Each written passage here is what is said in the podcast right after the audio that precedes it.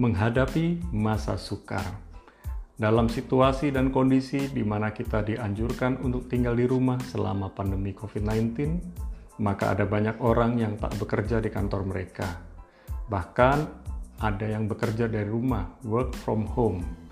Namun ada pula sebagian orang yang dirumahkan oleh perusahaan atau toko atau tempat mereka bekerja.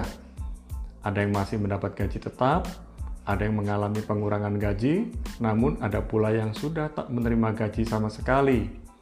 Pada akhirnya, setiap keluarga harus berhikmat dan berhemat dalam pengeluaran keuangan mereka, serta mengubah gaya hidup mereka sehari-hari.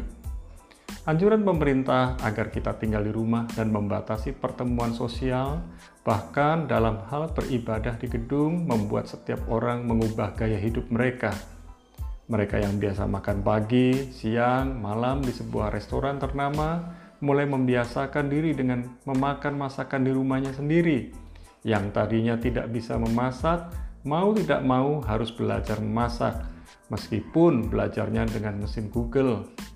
Hampir seluruh negara di dunia mengalami hal yang sama.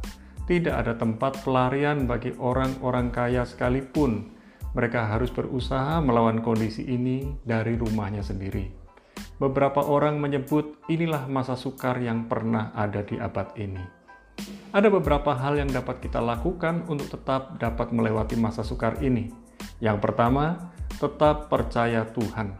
Hal terpenting dalam kehidupan kita adalah tetap percaya kepada Tuhan dan mengandalkan Tuhan setiap saat. Jangan pernah meragukan Tuhan. Setiap rencana Tuhan tak akan pernah gagal, sebab Tuhan tahu yang terbaik bagi kita. Bahkan saat kita belum menyadarinya, Tuhan sudah menyediakan yang terbaik bagi kita. Yang kedua, beribadah bersama keluarga kita.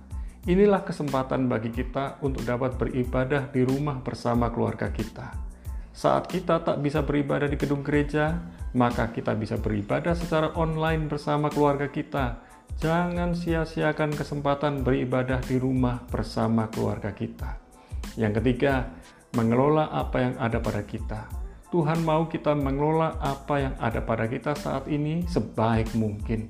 Tuhan sanggup melipat gandakan apa yang kita kelola untuk keperluan kita.